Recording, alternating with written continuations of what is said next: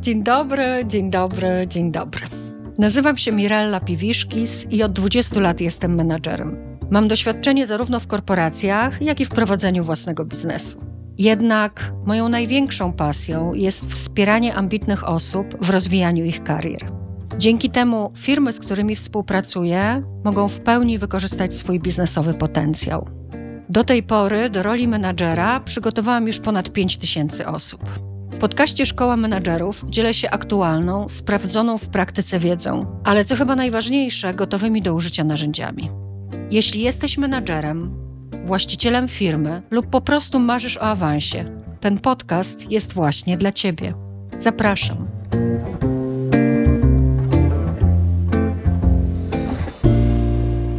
Coraz częściej do mnie piszecie. I to nie tylko menadżerowie, prosząc mnie o konkretne tematy odcinków, podpowiadając obszary, jakie mogłabym eksplorować w kolejnych nagraniach.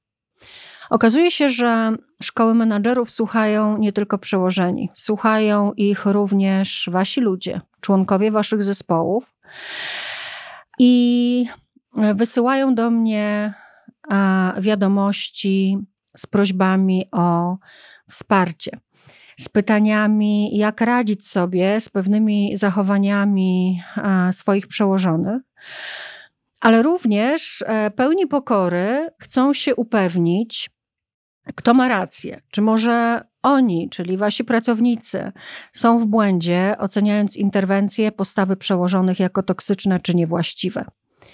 I w ciągu ostatnich dwóch tygodni otrzymałam aż trzy wiadomości o niepokojąco zbliżonej treści.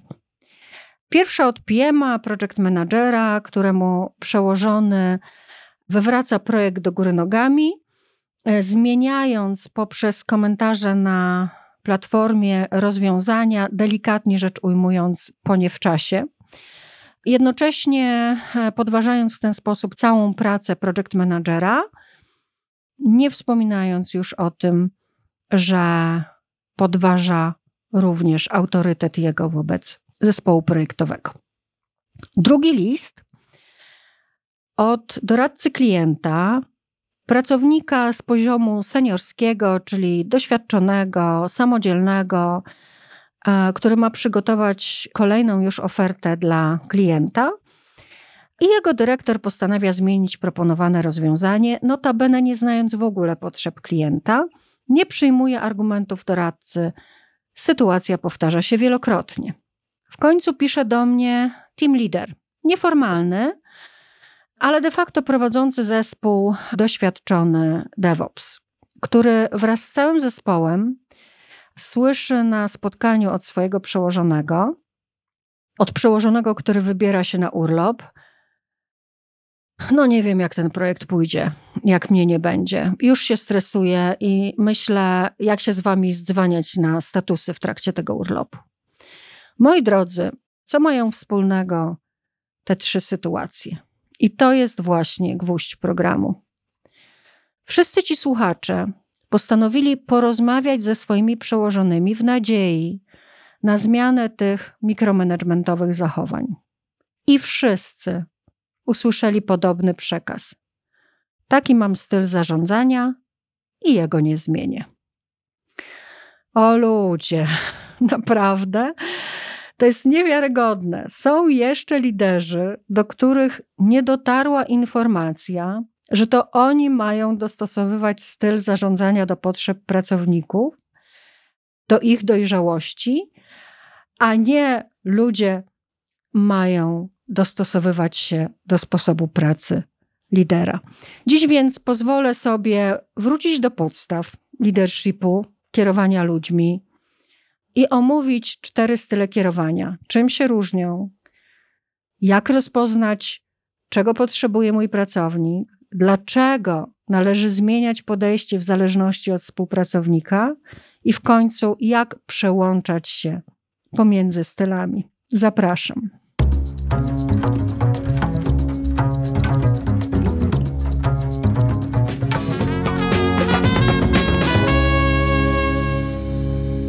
Wiele jest klasyfikacji stylów kierowania. Ta, z którą chcę Was zapoznać, jest bardzo intuicyjna, do tego nadająca się do zastosowania, gdy zarządzacie blanchardowo, czyli w dopasowaniu do dojrzałości pracowniczej. O przywództwie sytuacyjnym i o dojrzałościach pracowniczych opowiadałam w odcinku szóstym. Możecie do niego wrócić, przypomnieć sobie, czym są i jak funkcjonują osoby o różnej dojrzałości. Tymczasem opowiem Wam o tym, czym jest styl kierowania i skąd on się bierze.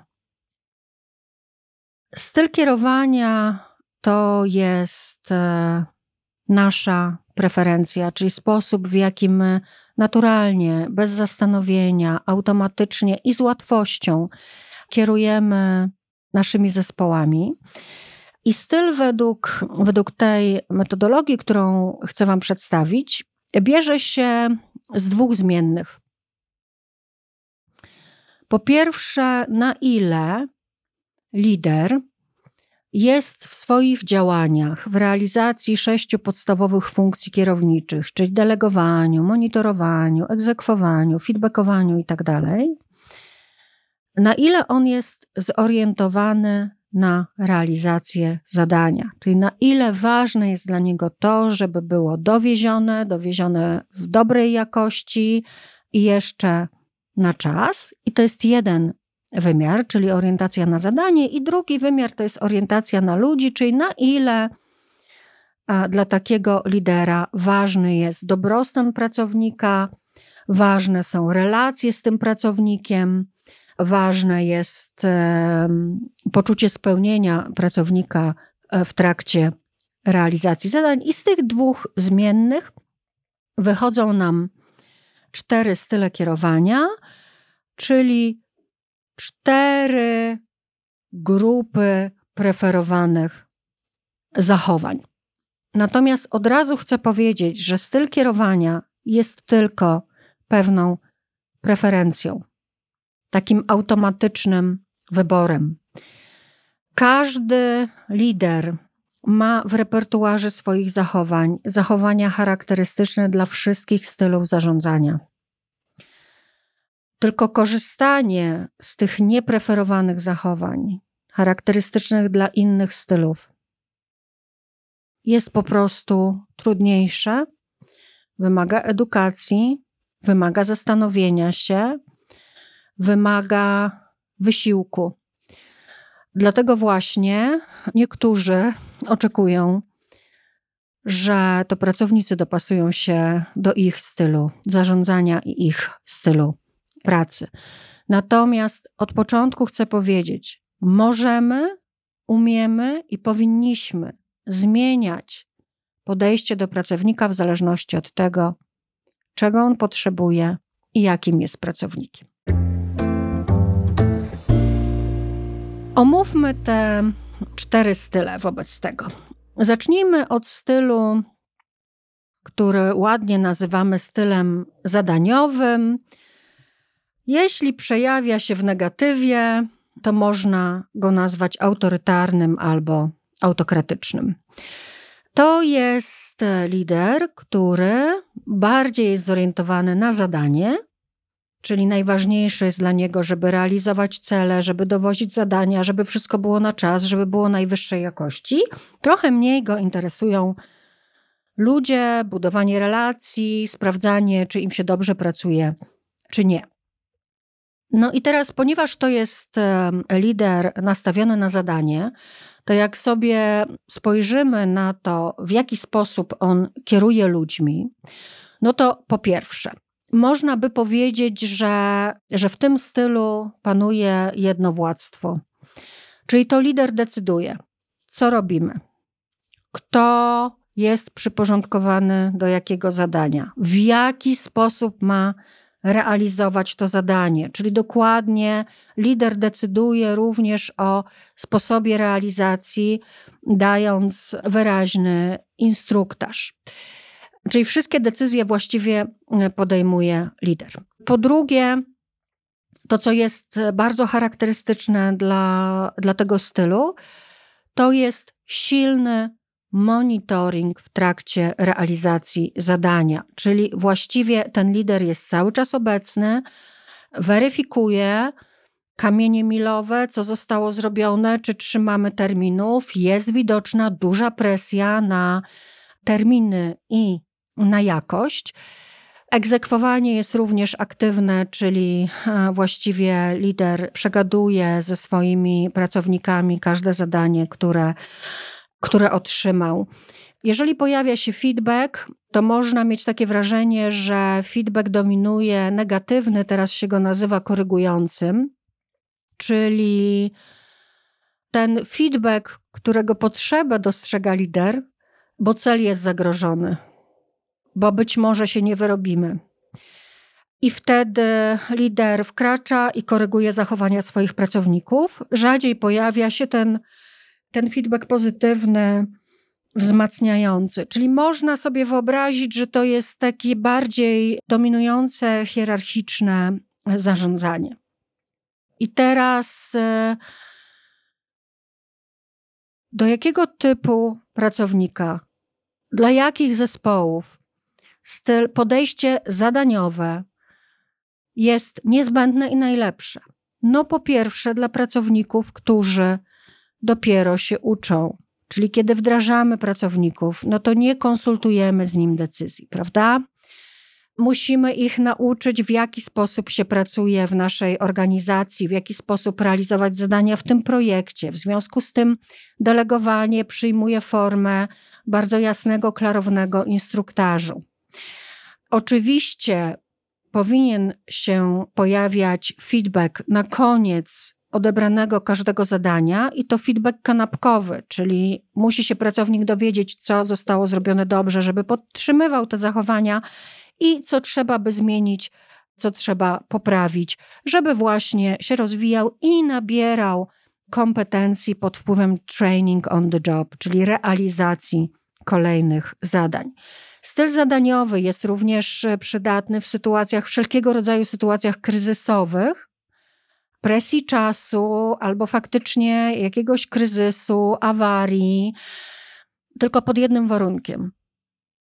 Że lider ma pewność, że to on ma całą wiedzę i kompetencje, żeby podejmować decyzje i wskazywać palcem, kto ma co robić i w jaki sposób. Styl zadaniowy, no właściwie nie wyobrażamy sobie innego w służbach mundurowych, prawda? Policja, straż pożarna, wojsko. No nikt, e, żaden dowódca nie pyta się swoich żołnierzy, a jak myślicie, to może z prawej ich podejdziemy, a może z lewej, a wybierzemy ten samolot czy taki pocisk. Nie wiem, nie znam się, przepraszam za, za moją ignorancję, ale tam faktycznie jest, mogą się realizować ludzie ze stylem autorytarnym.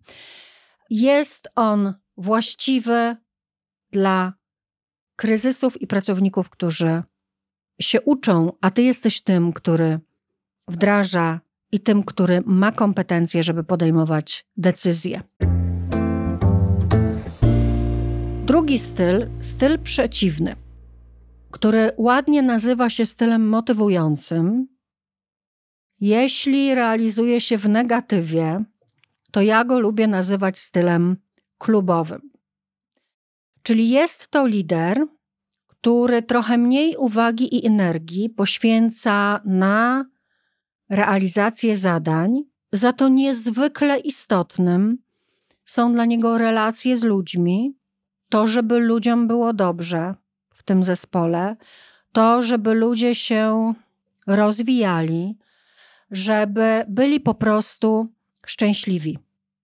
I Taki lider, no, ten styl nazywamy motywującym nie bez powodu. Czyli on pokazuje, że on faktycznie fantastycznie oddziałuje na motywację pracowników, ponieważ mam lidera, który przede wszystkim interesuje się tym, co u mnie słychać, jak mi się pracuje, w jakim kierunku chce się rozwijać, czyli ma ze mną dobrą relacje i jestem dla niego ważny. Z drugiej strony, jeżeli realizujemy zadanie, to taki lider motywujący konsultuje swoje decyzje, wręcz przerysowując, może pytać: Słuchaj, stary, na co dzisiaj masz ochotę, tak? Co dzisiaj chciałbyś porobić? Oczywiście to jest przerysowane, trochę żartobliwe, ale chodzi o to, że sprawdza, weryfikuje, jak możemy wykonać dane zadanie, kto chciałby się zająć na przykład tym trudnym klientem.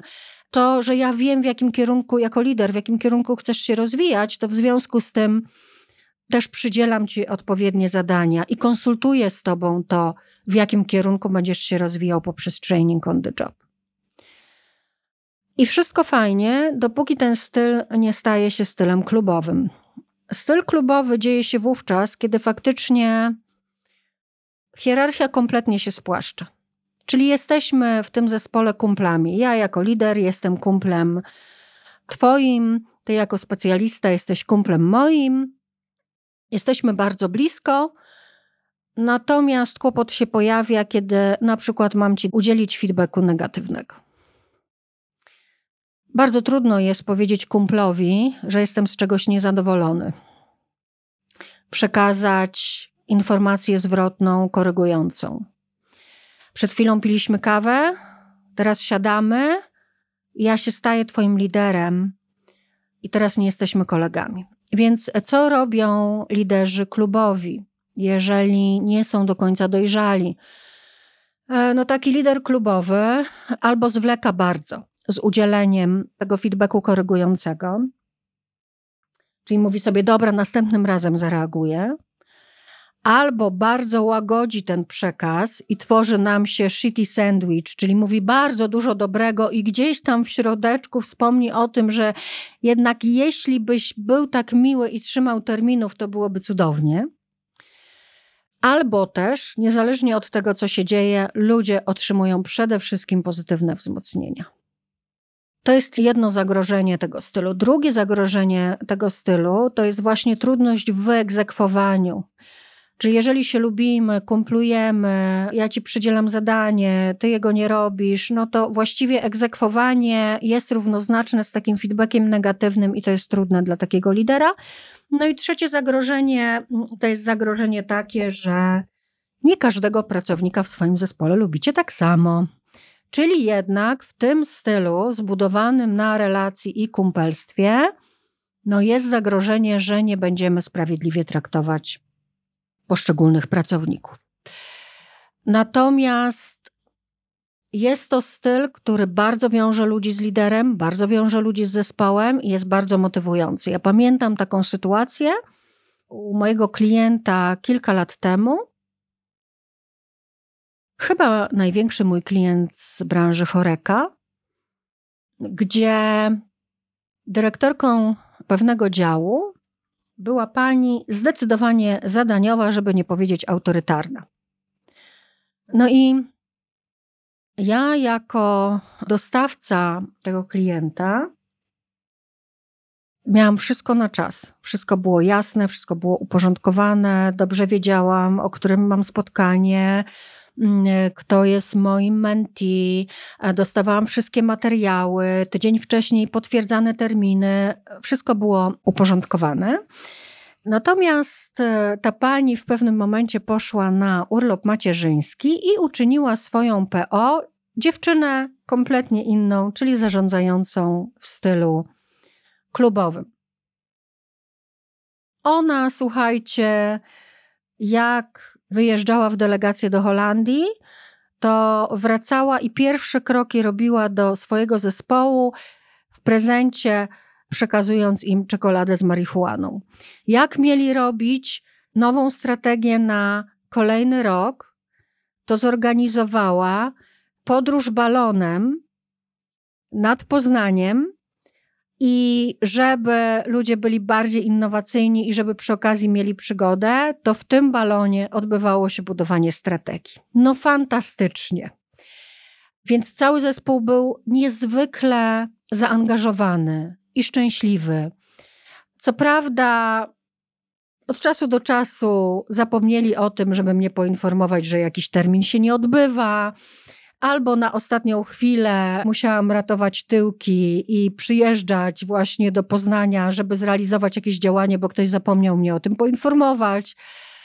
ale też sytuacja wyglądała w ten sposób, że członkowie tego zespołu dzielili się ze mną swoim lękiem, że nie będą w stanie wrócić do poprzedniego, no jednak mikromanagementu, który okazywało się, że był efektywny, jeśli chodzi o jakość, ale nie był efektywny, jeśli chodzi o dobre samopoczucie ludzi i poczucie spełnienia, że nie będą w stanie dalej pracować w zespole zarządzanym autorytarnie. I część faktycznie po powrocie dyrektorki z urlopu macierzyńskiego odeszła, część została i z powrotem się przystosowała.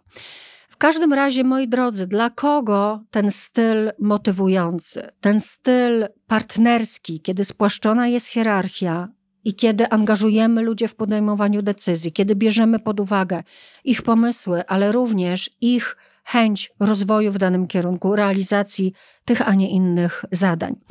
No to tutaj, moi drodzy, kto powinien decydować o tym, jak realizuje zadanie? Kto powinien decydować o tym, na kiedy może zrealizować cel? Wy to już wiecie. Pracownik, który ma kompetencje, jest doświadczony, ale potrzebuje trochę motywacji. I dawanie im samodzielności, dbanie o komfort takich pracowników, plus do tego jeszcze angażowanie w proces decyzyjny, powoduje, że ci ludzie są nadal zmotywowani i zaangażowani i mogą naprawdę, bo chcą zostać po godzinach, czy zrealizować coś ponad to, co mają w, w umowie o pracę.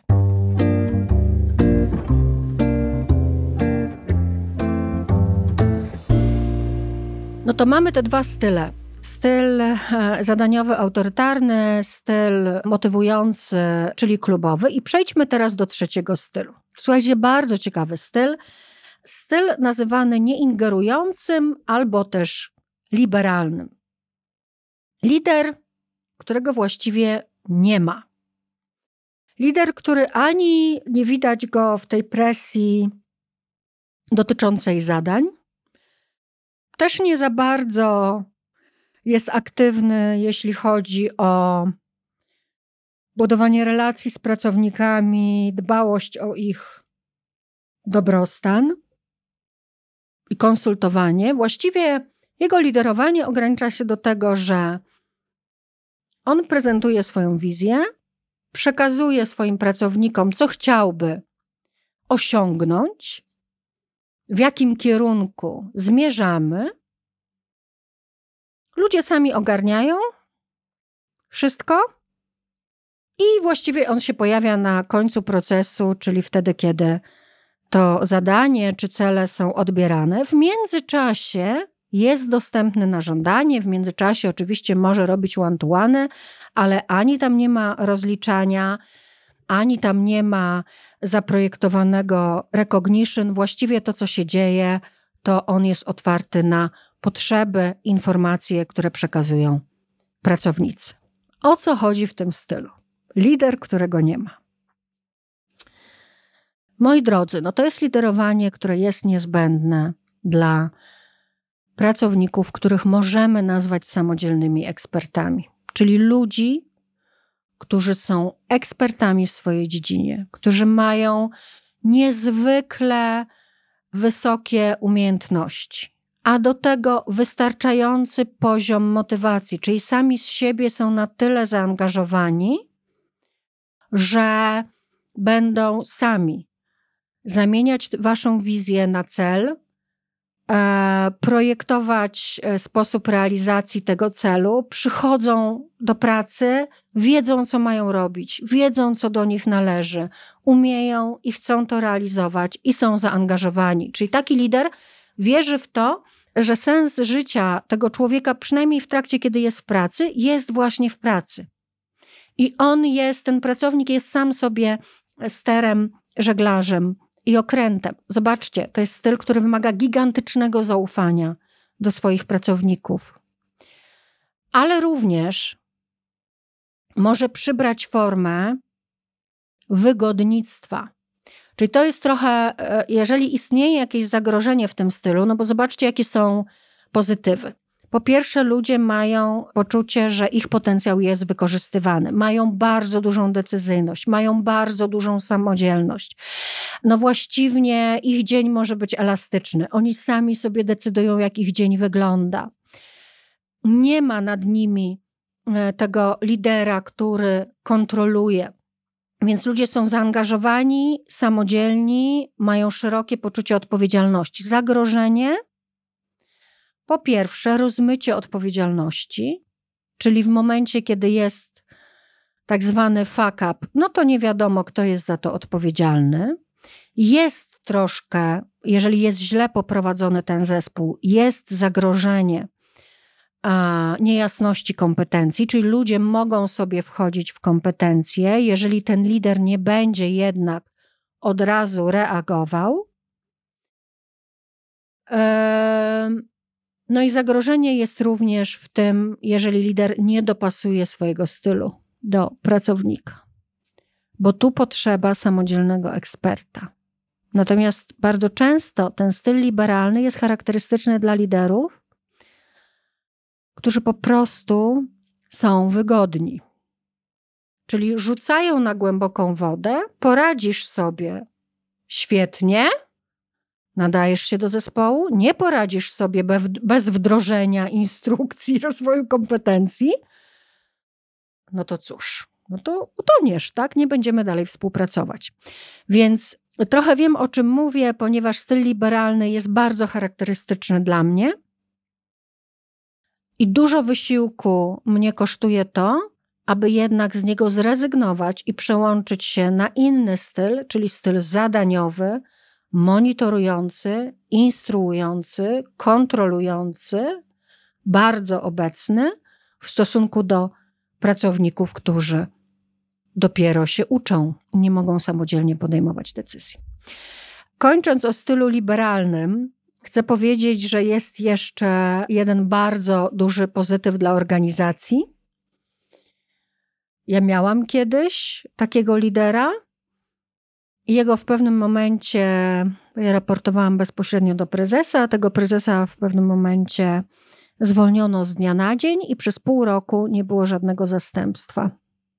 I co? I nic. I wszystko działało, bo każdy wiedział, co ma robić, i każdy umiał podejmować decyzje, i każdy czuł się odpowiedzialny za swój ogródek, ale nie tylko. I czwarty styl czwarty styl, który nie pochodzi z osobowości, nie jest pochodną sposobu myślenia, działania, funkcjonowania, stylu komunikacji, temperamentu, tylko jest stylem wyuczonym. To jest tak zwany styl zintegrowany, który po prostu łączy w sobie wszystkie cechy stylu zadaniowego i wszystkie cechy stylu motywacyjnego. Czyli jest to lider, który zarówno niezwykle silnie monitoruje realizację zadań, kontroluje, trzyma pieczę. Dla niego bardzo ważne są cele, z których potem jest rozliczany. I tu potrafi być bardzo stanowczy i decyzyjny. Z drugiej zaś strony jest blisko zespołu i też um, bardzo często jest, no teraz to już jest powszechne, ale faktycznie z wyboru jest na ty, jest spłaszczona ta, ta hierarchia, jest kolegą i chce, żeby ludziom było dobrze i chce, żeby ludzie go lubili. Podejrzewam, że już po wielu, jeżeli wśród Was są osoby, które słuchały moich wcześniejszych odcinków, to domyślacie się, że to jest najczęściej preferowany styl dla liderów tego niższego szczebla, team liderów, którzy są najbliżej zespołów i z jednej strony nadal są kolegami, a z drugiej strony jednak nadal są bardzo aktywni operacyjnie. No i teraz nie będę za dużo mówić na temat tego stylu, bo, bo on po prostu integruje cechy tych dwóch, o których powiedziałam. Ciekawa jestem, czy dostrzegacie jakieś zagrożenie. No, zagrożenie jest jedno i to bardzo istotne dla zespołu, bo myślę sobie, że tego lidera jest tak dużo, że jak pracownik wraca do domu, otwiera lodówkę, to się boi, że lider wyskoczy z lodówki. bo i lider się interesuje moim życiem prywatnym i jest obecny w mojej pracy. A dla samego lidera to jest naprawdę, jeżeli długotrwale jedynie stosujecie ten styl, no to wówczas wypalenie i małpki na plecach, o których też często wspominałam w różnych odcinkach tego podcastu, czyli osoby, które przychodzą, zrób to za mnie, pomyśl za mnie, co mam zrobić, jak mam zareagować. Czyli musisz cały czas dawać instrukcje i decydować, a z drugiej strony jeszcze, jeszcze motywować. No i moi drodzy, dla kogo ten styl jest dobry? Ten styl jest dobry dla tak zwanych R2, czyli rozczarowanych adeptów, czyli takich pracowników, którzy jeszcze nie mają wystarczających kompetencji. Trzeba monitorować jakościowo, ilościowo, czasowo. Trzeba nadal dawać instrukcje. Trzeba nadal jednak trzymać odpowiedzialność po swojej stronie. A z drugiej strony warto zacząć się już przyglądać ich spadającej motywacji, która jest konsekwencją po prostu tego, że są w punkcie, że bardzo dużo rzeczy muszą się jeszcze nauczyć, czyli wiedzą, czego nie umieją i nie ufają już sobie, że będą w stanie sobie z zadaniem poradzić. Czyli pracownik, któremu już motywacja spada, wiara w siebie spada, a z drugiej strony kompetencje jeszcze nie są bardzo wysokie, to jest pracownik, dla którego ten styl zintegrowany jest najbardziej odpowiedni. No i teraz oczywistym jest, jakbym Wam zadała pytanie, który z tych stylów jest najlepszy? No żaden. Najlepszy jest ten styl, który jest najbardziej odpowiedni do dojrzałości pracownika i do tego, czego potrzebuje Wasz pracownik. I ja wiem, ja zdaję sobie sprawę z tego, że badania pokazują, że wśród liderów tylko 1% potrafi się przełączać pomiędzy czterema stylami. Większość korzysta z jednego bądź dwóch stylów. Ale na tym polega Wasz rozwój liderski, żeby wchodzić w te niepreferowane zachowania. Po co?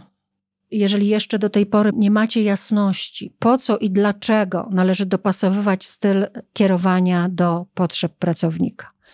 Po pierwsze, po to, żeby budować samodzielny zespół, czyli jeżeli będziecie dopasowywać swój styl kierowania do kompetencji i motywacji pracowników, to uzyskacie w końcu zespół samodzielny, który będzie złożony samych ekspertów zmotywowanych i z poczuciem odpowiedzialności.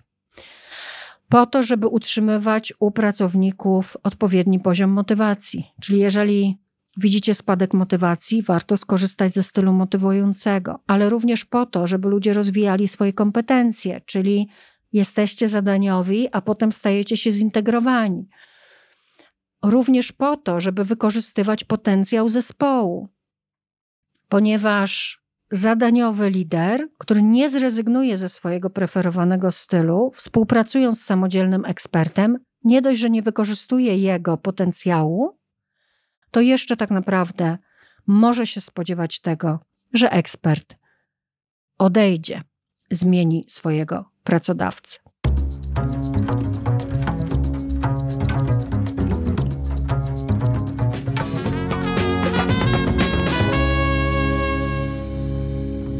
A więc podsumowując, jeżeli masz, drogi liderze, styl zadaniowy, gdy dopasowujesz go do pracownika wdrażającego się, uczącego, prowadzącego projekt po raz pierwszy, genialnie, stosuj go z pełną świadomością. Jeśli jednak masz dojrzałego eksperta, dobrze znającego swoją pracę, w naszym przykładzie ze wstępu, umiejącego rozpoznać i zaspokoić potrzeby klienta, to nie wcinaj mu się z poprawkami kolorów prezentacji czy nawet rozwiązań, bo wówczas ten styl staje się mikromanagementem.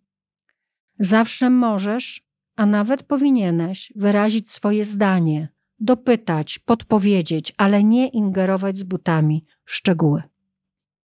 Jak również, jeśli masz styl liberalny, tak jak ja, rzucasz temat, zapoznajesz ze swoją wizją, nie kontrolujesz, nie instruujesz.